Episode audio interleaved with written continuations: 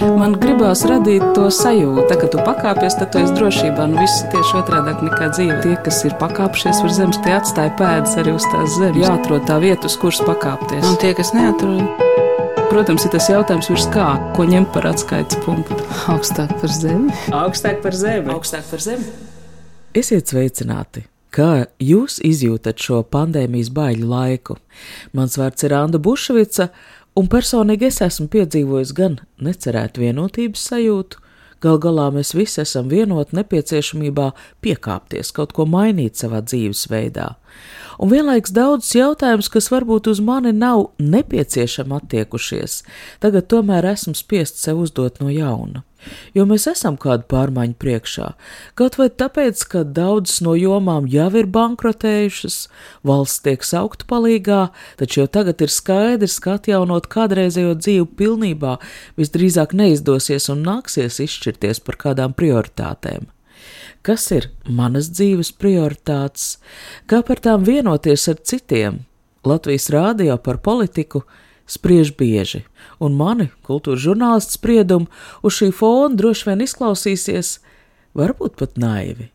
Taču šī brīža apiekšanai man tieši tā pietrūkst humanitārajās zinātnēs izglītot cilvēku plašāku redzējumu, spējas domāt par kādu nebūtu jābūtību. Kad uzrunāja Agnēs Irbi, klasisko filoloģi, mani interesē viņas secinājums, sasaucēja, protams, ar šo laiku, tulkojot Aristoteļa valsts lietas. Taču Agnēs Irbe bija pat pārsteigta, ka es zvanu viņai jau pabeigta tulkojuma, nevis daudz lielāku viļņošanos izsaukuša nesen raksta žurnāla Rīgas laiks novembra numurā sakarā, kurā viņa daudz tiešāk komentē Latvijā aktuālo dzīvesbiedru likumprojektu. Es tomēr gribu sākt ar to jautājumu par šo laiku, kā jūs jūtaties šajā laikā.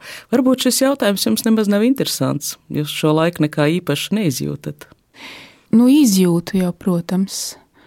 Es visvairāk personīgi izjūtu to, ka kāds mans labs draugs pastāstīja, kā viņiem iet. Un viņiem ir trīs bērni, un jaunākā meitenīte piedzima ar ļoti smagu plaušu tādu nepilnību, un arī Parīzē ārstējās slimnīcā un ar skābekļa baloniem un tā. Un tad, kad viņš man to tā pastāstīja, pat arī nesūdzoties, ne arī paužot savus bailes, bet es no tā viņa stāstījuma sapratu, ka, ja meitenīte saslims, tad viņa iespējams nomirs, jo viņai ir šī plauša nepilnība.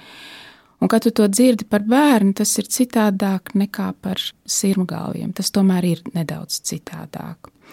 Nu jā, mēs visi pavasarī nodzīvojām izolācijā, laukos ar bērniem, visi mācījās mājmācībā. Tagad mēs esam atpakaļ skolā, bet esam gatavi, ka tas mainīsies. Bet, nu, godīgi sakot, mēs gaidām vakcīnu. Mēs gaidām vakcīnu, mēs gaidām to, ka tiem pašiem vārgākajiem tā būs pirmā. Un, ziniet, mēģinām visā redzēt arī kaut kādu pozitīvo pusi, un tā pozitīvā puse ir tāda, tāds mazs, vai ne, maz pozitīva detaļa ir tāda, ka mums ir paveicies, ka tas ir šis koronavīrus, nevis, piemēram, ebola, jo tur ir pat arī ļoti labos apstākļos katrs otrais nomirtu bez cerībām. Jā, jo pavasarī tur bija sajūtams gaisā patiešām tās bailes, ka ļoti daudzi cilvēki vienlaicīgi atcerējās, ka ir mirstīgi. Tam bija arī kaut kāds nu, tāds mm, garīgās dzīves pātrinājuma efekts, kaut kā gaidīja, kaut prognozēja, ka kaut kādā veidā pasaule mainīsies. Šobrīd mums ir vairāk laika pašrefleksijai, un, un, un tā steiga ir apturēta. Un man bija liels pārsteigums vasarā redzot, cik ļoti ātri aizmirstās tas, cik ātri dzīve iet normālās sliedēs. Viens ir tas, kad atgādina cilvēkiem, ka viņi ir mirstīgi, bet šeit man liekas, lielākās bailes bija no tā, ka es nomiršu, iespējams, nomiršu, vai mans tuvinieks ir gals nomirs tādā veidā, kā mēs negribētu, lai cilvēks nomirst. Nu, Proti, ka viņš būs kaut kur slimnīcā, mēs nevarēsim no viņa atvadīties, viņš nomirs smokot, un pēc tam mēs nevarēsim arī no viņa atvadīties bērēs. Jā.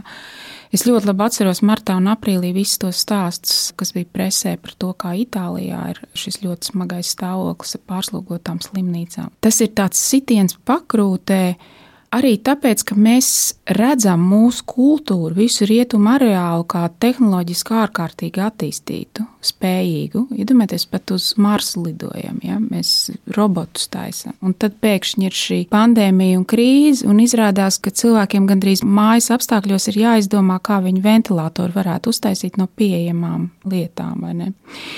Mēs tik ļoti paļaujamies uz savas kultūras to attīstības līmeni, ka mēs neredzam viņas vājās vietas.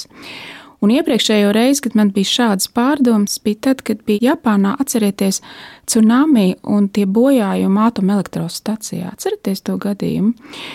Un es lasīju visu tādas milzīgas ziņu izklāstus no turienes, un es biju tik ļoti pārsteigta, ka bija sūdzības par to, ka ir ļoti slikti atalgot cilvēku iesūtīt radioaktīvajā vidē, lai viņi kasītu zemes virskārtu ja, un smeltu ūdeni, un ka ir sūdzības par to, ka nav bijis labs aprīkojums un ka cilvēkiem ir ar radioaktīvo ūdeni piesmēlušies gumijas zābaki. Man tā aina ir acu priekšā pa visu to situāciju. Un šo ainu ir tik ļoti grūti savienot ar to, ko mēs zinām par Japānu, ka tā ir ārkārtīgi tehnoloģiski attīstīta. Mums bezmaz ir sajūta, ka katrā mājā ir robots, kas tur palīdz grīdu mazgāt. Ja? Un izrādās, ka tā nav. Mēs esam atpakaļ pie šiem cilvēkiem, kas ar gumijas zābakiem brien tajā ūdenī un mēģina tur iznest ārā ja? kaut ko vai tur sakot. Tas ir vispār arī jautājums par to tehnoloģisko progresu, vai mēs viņu nedaudz pa daudz neidealizējam, paļaujamies tur, kur varbūt nevajadzētu paļauties. Pandēmijas laikā es piedzīvoju lepnumu par cilvēci, par arī savu valsti. Mēs piedzīvojam to, ka izrādās, ka cilvēks visu zemeslodi spēj par kaut ko vienoties. Un tāpat laikā interneta komentāros, par kuriem tiek ironizēts, ka ir ļoti daudz neizpratni paudošas sazvērstības teorijas, bet tie, manuprāt, tomēr liecina par to, ka šajā panāktajā vienošanās paktā, nu viss viņam tomēr nepiekrīt. Vienkārši viņa balss ir dzirdams tikai caur sociālajiem tīkliem. Es jums piekrītu tādā ziņā, ka mēs tiešām darbojamies un domājam globāli, arī pateicoties, protams, vispasaules tīmeklim.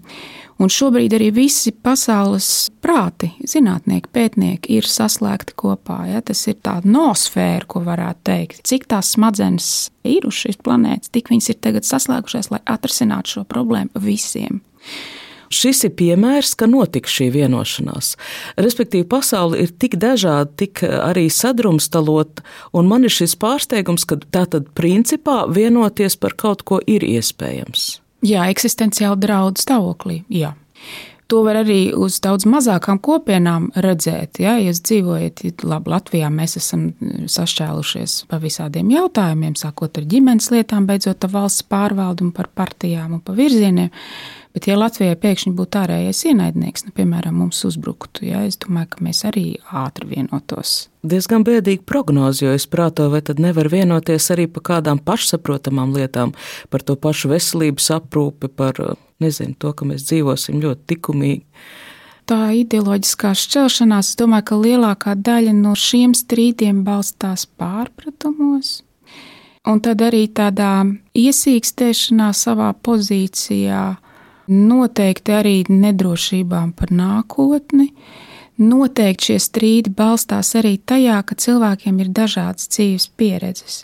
Un es saku to ar pilnīgu izpratni, ka es, piemēram, kā sieviete, kurai ir 44 gadi un ģimene, bērni ir savs īpašums, un man ir arī savs uzņēmums man vispār Latvija un Latvijas nākotne ir kaut kas citādāks nekā, teiksim, kādai manai jaunai draudzenei, kurai ir 24 gadi, kurai arī nav šīs piesaistes zemē un valstī. Attiecīgi viņai arī mazāk interesē. Nu, ja tev pašam nav bērnu, tev arī mazāk interesē, paga, kādas ir skolas programmas, ko māca. Tev mazāk interesē, kāda ir nodokļu sistēma. Ja man ir uzņēmums, cik man būtu jāmaksā, kāda ir mana solidaritāte ar citiem uzņēmējiem. Ja tev nav savs zemes gabaliņš ar savu, nu, man ir roždoba, principā, ja, tad tev arī tas nekustamā īpašuma nodokļu jautājums nu, tā īpaši neinteresē. Ja. Tur ir pieredzēja arī ir liela nozīme. Tāpēc arī nu, Aristotelam ir Platonam pamats, manuprāt, sacīt, ka cilvēkiem, kas kļūst atbildīgi par valsti, par valstisko kopienu, par lielu cilvēku veselumu, viņiem būtu jāsasniedz vismaz 50 gadu vecums. Tad mēs varam būt droši, ka viņiem ir dažāda veida pieredze. Tāpēc jau uzreiz es varētu teikt, ka es noteikti neatbalstītu šo dažu partiju virzīto ierosinājumu samazināt vēlēšanu tiesības līdz 16 gadu vecumam.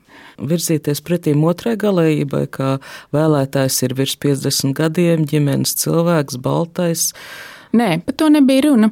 Bija runa par to, kurš pieņem tos augstākos amatus, kurš var kļūt piemēram par tiesnesi, kuram ir atbildība par visu veselības izglītības reformu, kurš spēj redzēt nākamajai un aiznākamajai paudzei, kādas mēs pamatus šeit liekam, kurš spēj redzēt garām noteikts teiksim, minoritātes vai nelielas cilvēku daļas prasībām, redzēt šīs prasības kontekstā, jo citādi mēs nepārtraukti cīnāmies. Tas ir ļoti bīstams jautājums, un es esmu pārliecināta, ka man sarunbiedra Agnes Irba to zina, kurus tad uzskatīt par cienīgiem, par tiesīgiem pieņemt lēmumus Antīkajā polisē lēmums pieņēma vīrieši, nevis sievietes vai bērni vai paverdzinātie. Es prātoju par antīko polisi, nu, to, ko es zinu par um, antīko kultūru, ka šai polisē tomēr iesaistīšanās politikā bija nu, tāds tā kā pienākums. Mūsdienās šīs attiecības ir daudz sajauktākas. Mēs lielākoties savus šīs tiesības iesaistīties politikā deliģējam. Līdz ar to ikdienā nu, tas mūs it kā neskar un kā sataustīt sevī to politisko atbildību. Tad, kad jautā šādā veidā par antīko polisi, nu visdrīzāk domā Atēnu modeli. Ja? Atēnu tiešās tautvaldības modeli, kur katrs pilsonis, tiešām pilnīgi katrs pilsonis, ja gribēja, visi negribēja, ja, ja gribēja, varēja tiešā veidā piedalīties pilnīgi visu, jebkādu lēmumu pieņemšanā un arī spriest tiesu, un spriest tiesu ne tikai par tādiem, nu, teiksim, administratīviem vai kriminālu noziegumiem, ja, bet arī par valsts nodevību un tādām nozīmīgām lietām, ja diplomātiskiem noziegumiem. Kāpēc runā šobrīd aizvien vairāk, un es esmu viens no cilvēkiem, kas to dara, atgādina Atēnu vēsturi. Tāpēc, ka mēs nekad neesam bijuši tik tuvu iespējai Atēnu modeli īstenot, ja mēs to gribētu. Un kāpēc? Atēnās bija iespējama šī tiešā demokrātija, tāpēc, ka cilvēku skaits bija mazs. Jūs varat savākt kopā 6-7 tūkstoši cilvēku, ar visiem apspriesties, nobalsot. Paceļot rokas, jūs varat saskaitīt tās balsis.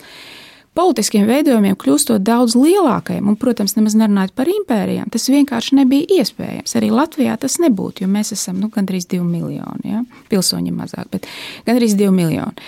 Taču tagad, kad mums ir šis jau pieminētais vispasaules tīmeklis, mēs tiešām varētu apspriesties vairāk ar pilsoņiem par kaut kādiem jautājumiem. Mēs varētu arī nodrošināt, vai vismaz padomāt par to sistēmu, kas ir Šveicē, kas ir faktiski vistuvāk šobrīd Atēnu modelim, jo ir, man liekas, katru otro mēnesi kāds referendums par kādu tēmu. Un es teiktu arī, ka mūsu pretēji tam, kā kāds varēja domāt pirms simts gadiem, es domāju, ka pilsoniskā iesaistītība ir daudz, daudz lielāka, kopš ir sociālie tīkli, kopš ir internets, kopš katram ir mājās dators, nu vai gandrīz katram. Ja jūs pajautāt cilvēkiem, cik minūtes vai cik stundas dienā jūs lasat vai domājat par kaut kādu politisku, valstisku problēmu Latvijā vai pasaulē, man liekas, ka tas skaitlis būtu diezgan liels. Kad pirms 17 gadiem Agnes Irbe, tobrīd vēl Gaile, kopā ar Aiju Van Hofu publicēja pirmo apjomīgo tulkojumu no sengrieķu valodas Hipokrātiskie raksti, mani pārsteidz, cik ļoti grāmata ieinteresēja ne tikai mediķus vai pētniekus, un toreiz es prātoju, kas gan ir tik pievilcīgs Hipokrātam piedāvātajos tekstos, vēlāk epikūra vēstulēs vai Aristoteļa rakstītajā. Es teiktu, ka šajos senajos rakstu pieminekļos cilvēks skatīts veselumā. Ārstēšana nav atrauta no zināšanām par pasaules uzbūvi, par matērijas izcelsmi, tās ritu, un tāpat tiek ieraudzīta arī politika, kā cilvēku spēja saprātīgi vienoties, un kas nav mazsvarīgi arī attīstīties miedarbībā ar citiem cilvēkiem, ar ko pēc Aristoteļa domām cilvēks tad no arī atšķiras no dzīvnieka. Tātad politika ir viens no veidiem, kā cilvēks to pa cilvēku, kā viņš realizēs, kā viņš aug. Tātad viņš nu, aug. Pēc Aristoteļa galvenais veids. Tā Aristotela doma ir ļoti vienkārša. Man pat liekas, ka būtu grūti to viņa tēzi apgāst. Cilvēkiem viņu iedabas dēļ, ja, cilvēki nav tas pats, kas delfīni, nav tas pats, kas vistas, viss cieņa pret vistām no manas puses, vai vienalga skudras. Viņiem ir savas spējības, kuras ir iespējotas tev tajā brīdī, kad viņi piedzimst. Ja? Tad, tad, ja bērns ir normāli attīstīts, viņā ir šī spējība iemācīties runāt, tā, ka viņš būs tur 3, 4 gadu vecs. Viņā ir spējība izjust empātiju, viņā ir spējība sadarboties ar citiem, viņā ir spējība rotaļāties, viņā ir milzīga zinātnē, ja? viņš pēta apkārtējo pasauli daudz lielākā mērā nekā tas būtu nepieciešams tikai izdzīvošanai, proti, lai atrastu parību. Ja? Pieņemsim. Un Aristotela doma ir, tad, man liekas, nu, tik ārkārtīgi kristāli skaidra, ka tā ir tieši valstiskā kopiena, kas mums sniedz labos apstākļos maksimāli lielu iespēju sevi īstenot visdažādākajos veidos. Nu, piemēram, ja, mēs abi šorīt nācām uz rādio, pa ceļam mums nebija jācīnās ne ar plēsīgiem dzīvniekiem, ja, ne ar kaut kādām bandām, kas uzbruka. Mēs mājās paēdām, pirms mēs nācām padzērāmies. Mēs jau tad apmierinājām šīs bioloģiskās pamata vajadzības, drošību nodrošinājumu, sēžam šeit siltā telpā. Un mēs varam darīt kaut ko citu, kurā Aristoteles redzētu cilvēka piepildījumu. Mēs sarunājamies, mēs domājam, mēs darbinām savu prātu, mēs analizējam. Mēs mēģinām izteikt vārdos, ja mēs virzamies uz priekšu, mēs izziņu, izziņu veicam augstākā līmenī, nekā vajadzētu tikai lai saprastu, kā tikt galā ar uzbrucējiem uz ielas. Jūs saprotat, tā ir ļoti vienkārša doma, un tā politikas, vārds politika varbūt daudzos kontekstos nu, ir maldinošs. Ja? Viņš grib teikt valstiska organizācija, kas nozīmē darbu dalīšanu, kopīgi parūpējamies par tām pamatvajadzībām, lai var iet uz augšu, ja? var radoši strādāt, var radīt mākslas darbus, ja? var rakstīt, var nodarboties ar filozofiju, var sarunāties, var arī izstrādāt visas šīs rotaļas un spēles, olimpiskās spēles arī tomēr nāk no antīkās pasaules. Vienā ģimenē jūs nevarēsiet to izdarīt.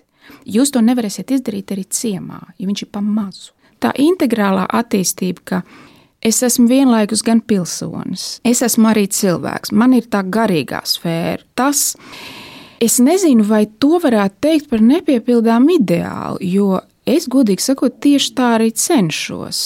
Jo mēs Ziniet, kā mums dažreiz domājot par antīko pasauli, jo īpaši par Grieķiju, aizmirstam arī visu to reliģisko dimensiju, ka bija valsts reliģija un bija it kā šis oficiālais veidols, tātad tempļi, Atēnas kults, ja, procesijas, kas ka tempļos glabāja, piemēram, valsts arhīvu, ka tempļos glabāja naudu, jo uzskatīja, ka nu, cilvēks nezaks no tempļa, jo tā ir svēta vieta.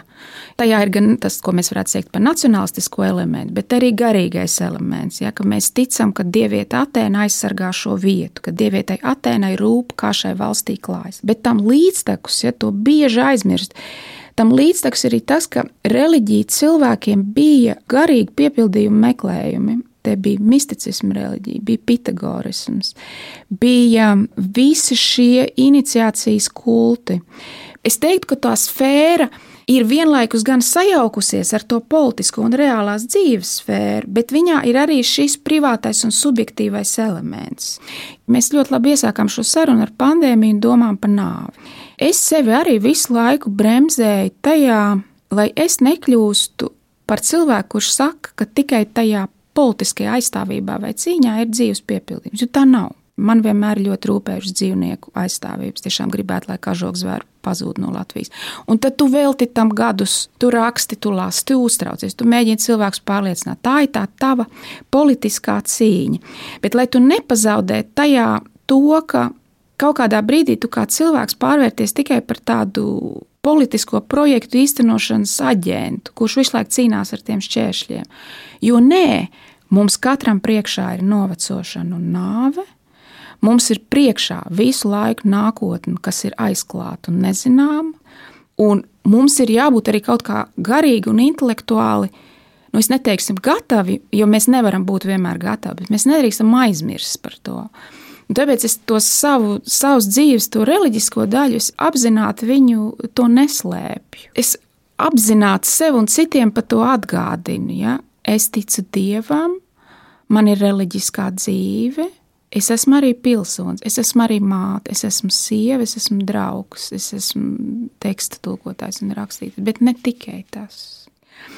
Un savā publicistikā, šai pašā Rīgas laika rakstā, novembra numurā, jūs ejat soli tālāk. Jūs runājat par sistēmisku un par konsekvenci, proti, ka tām vērtībām, kas mums ir svarīgas vienā no jomām, ka tās būtu jāīsteno arī pieņemot politiskus lēmumus.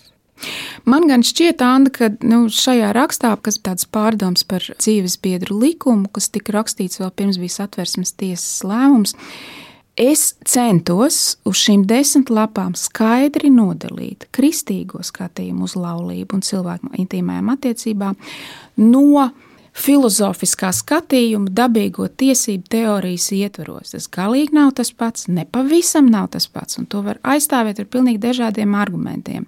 Es mēģināju nošķirt tās lietas.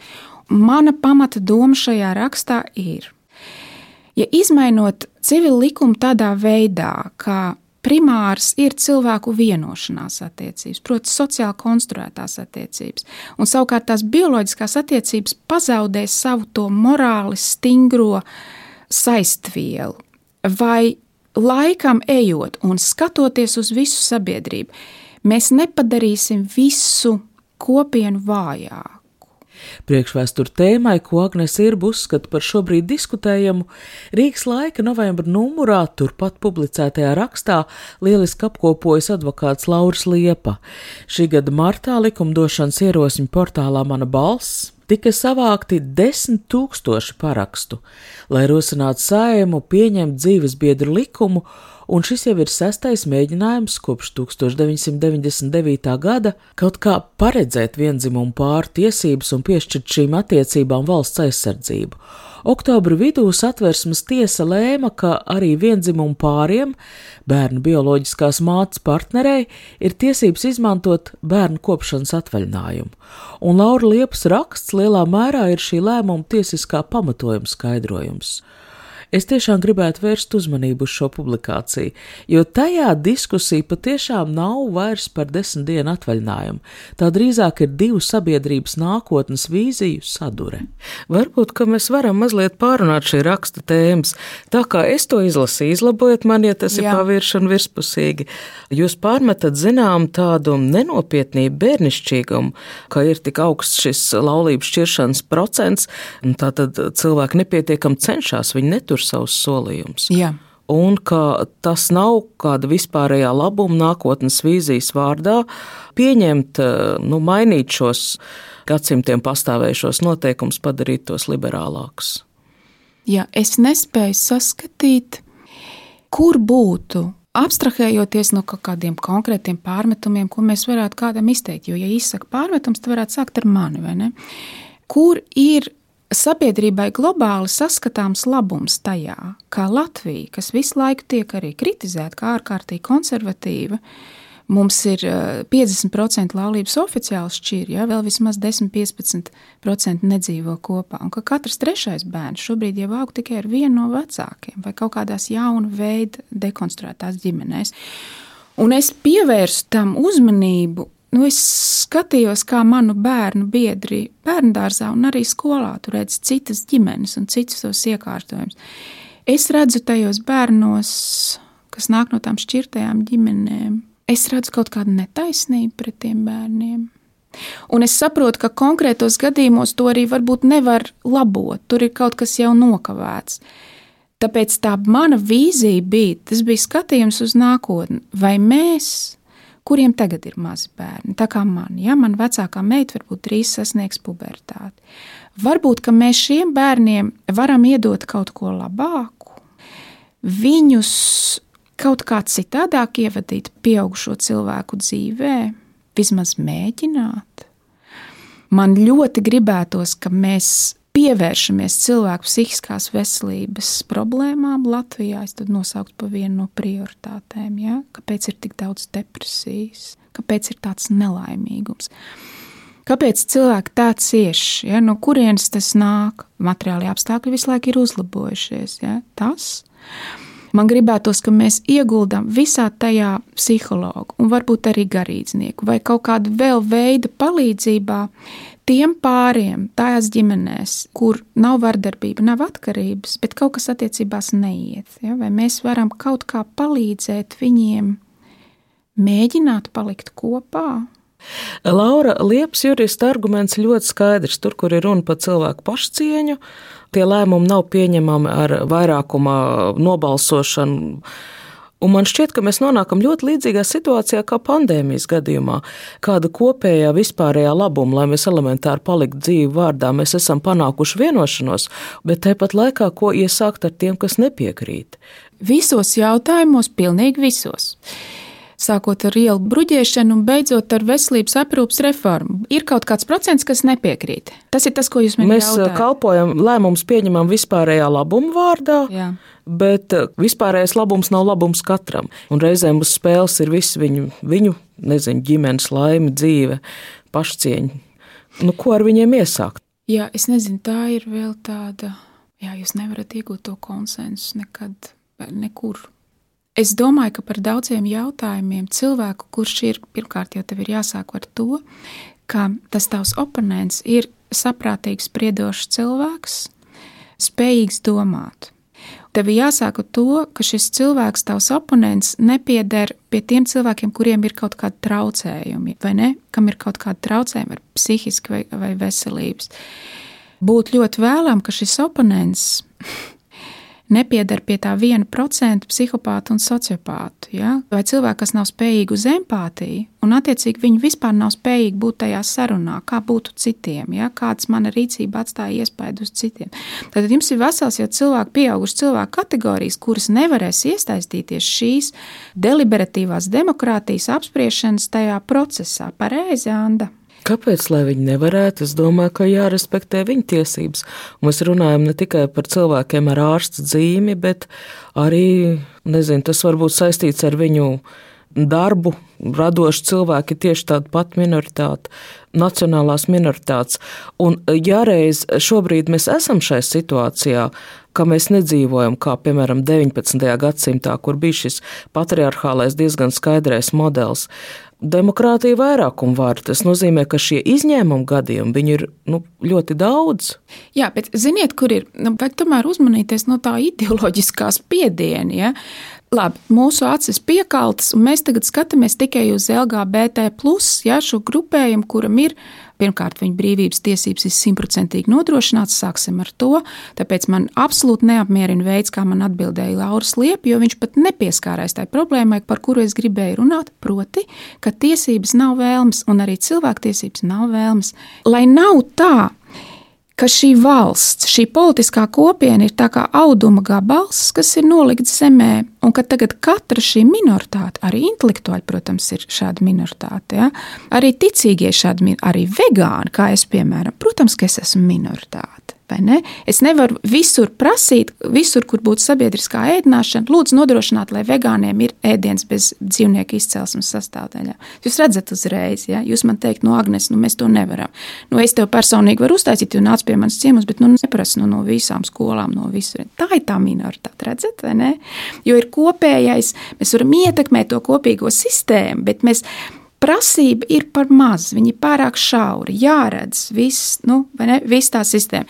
Bet ko es gribēju teikt, lai mums nav mūsu valstiskā kopiena kā auduma gabals, kas nomest zemē, un no kurienes katra šī cilvēku daļa, ja, minoritātes, Tā kā mēģina izplēst sev to gabalu un paņemt viņu sev saujā un turēt. Re, kur ir mana vegāna ja, lieta, redz, kur ir mana LGBT, mana identitāte, mana lieta. Ja, un tad tur blakus redz, kur ir mūsu katoļu lieta. Ja, un es turu savu gabalu savā rokā.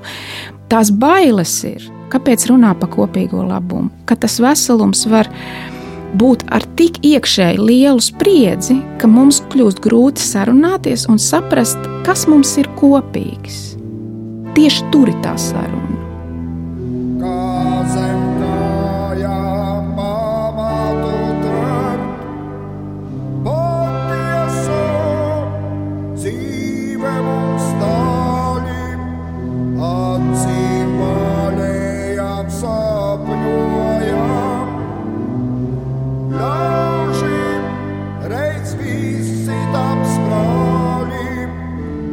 Aristoteļa domas par valsti, Agnes Sirbes un Aijas Van Hofas tulkojumā vēl ir sagatavošanā. Agnēs Irba nu pat pabeigusi arī savu pirmo monogrāfiju Nevardarbība un pacietība, kurā skar ar nevardarbības ētiku saistīts jautājums.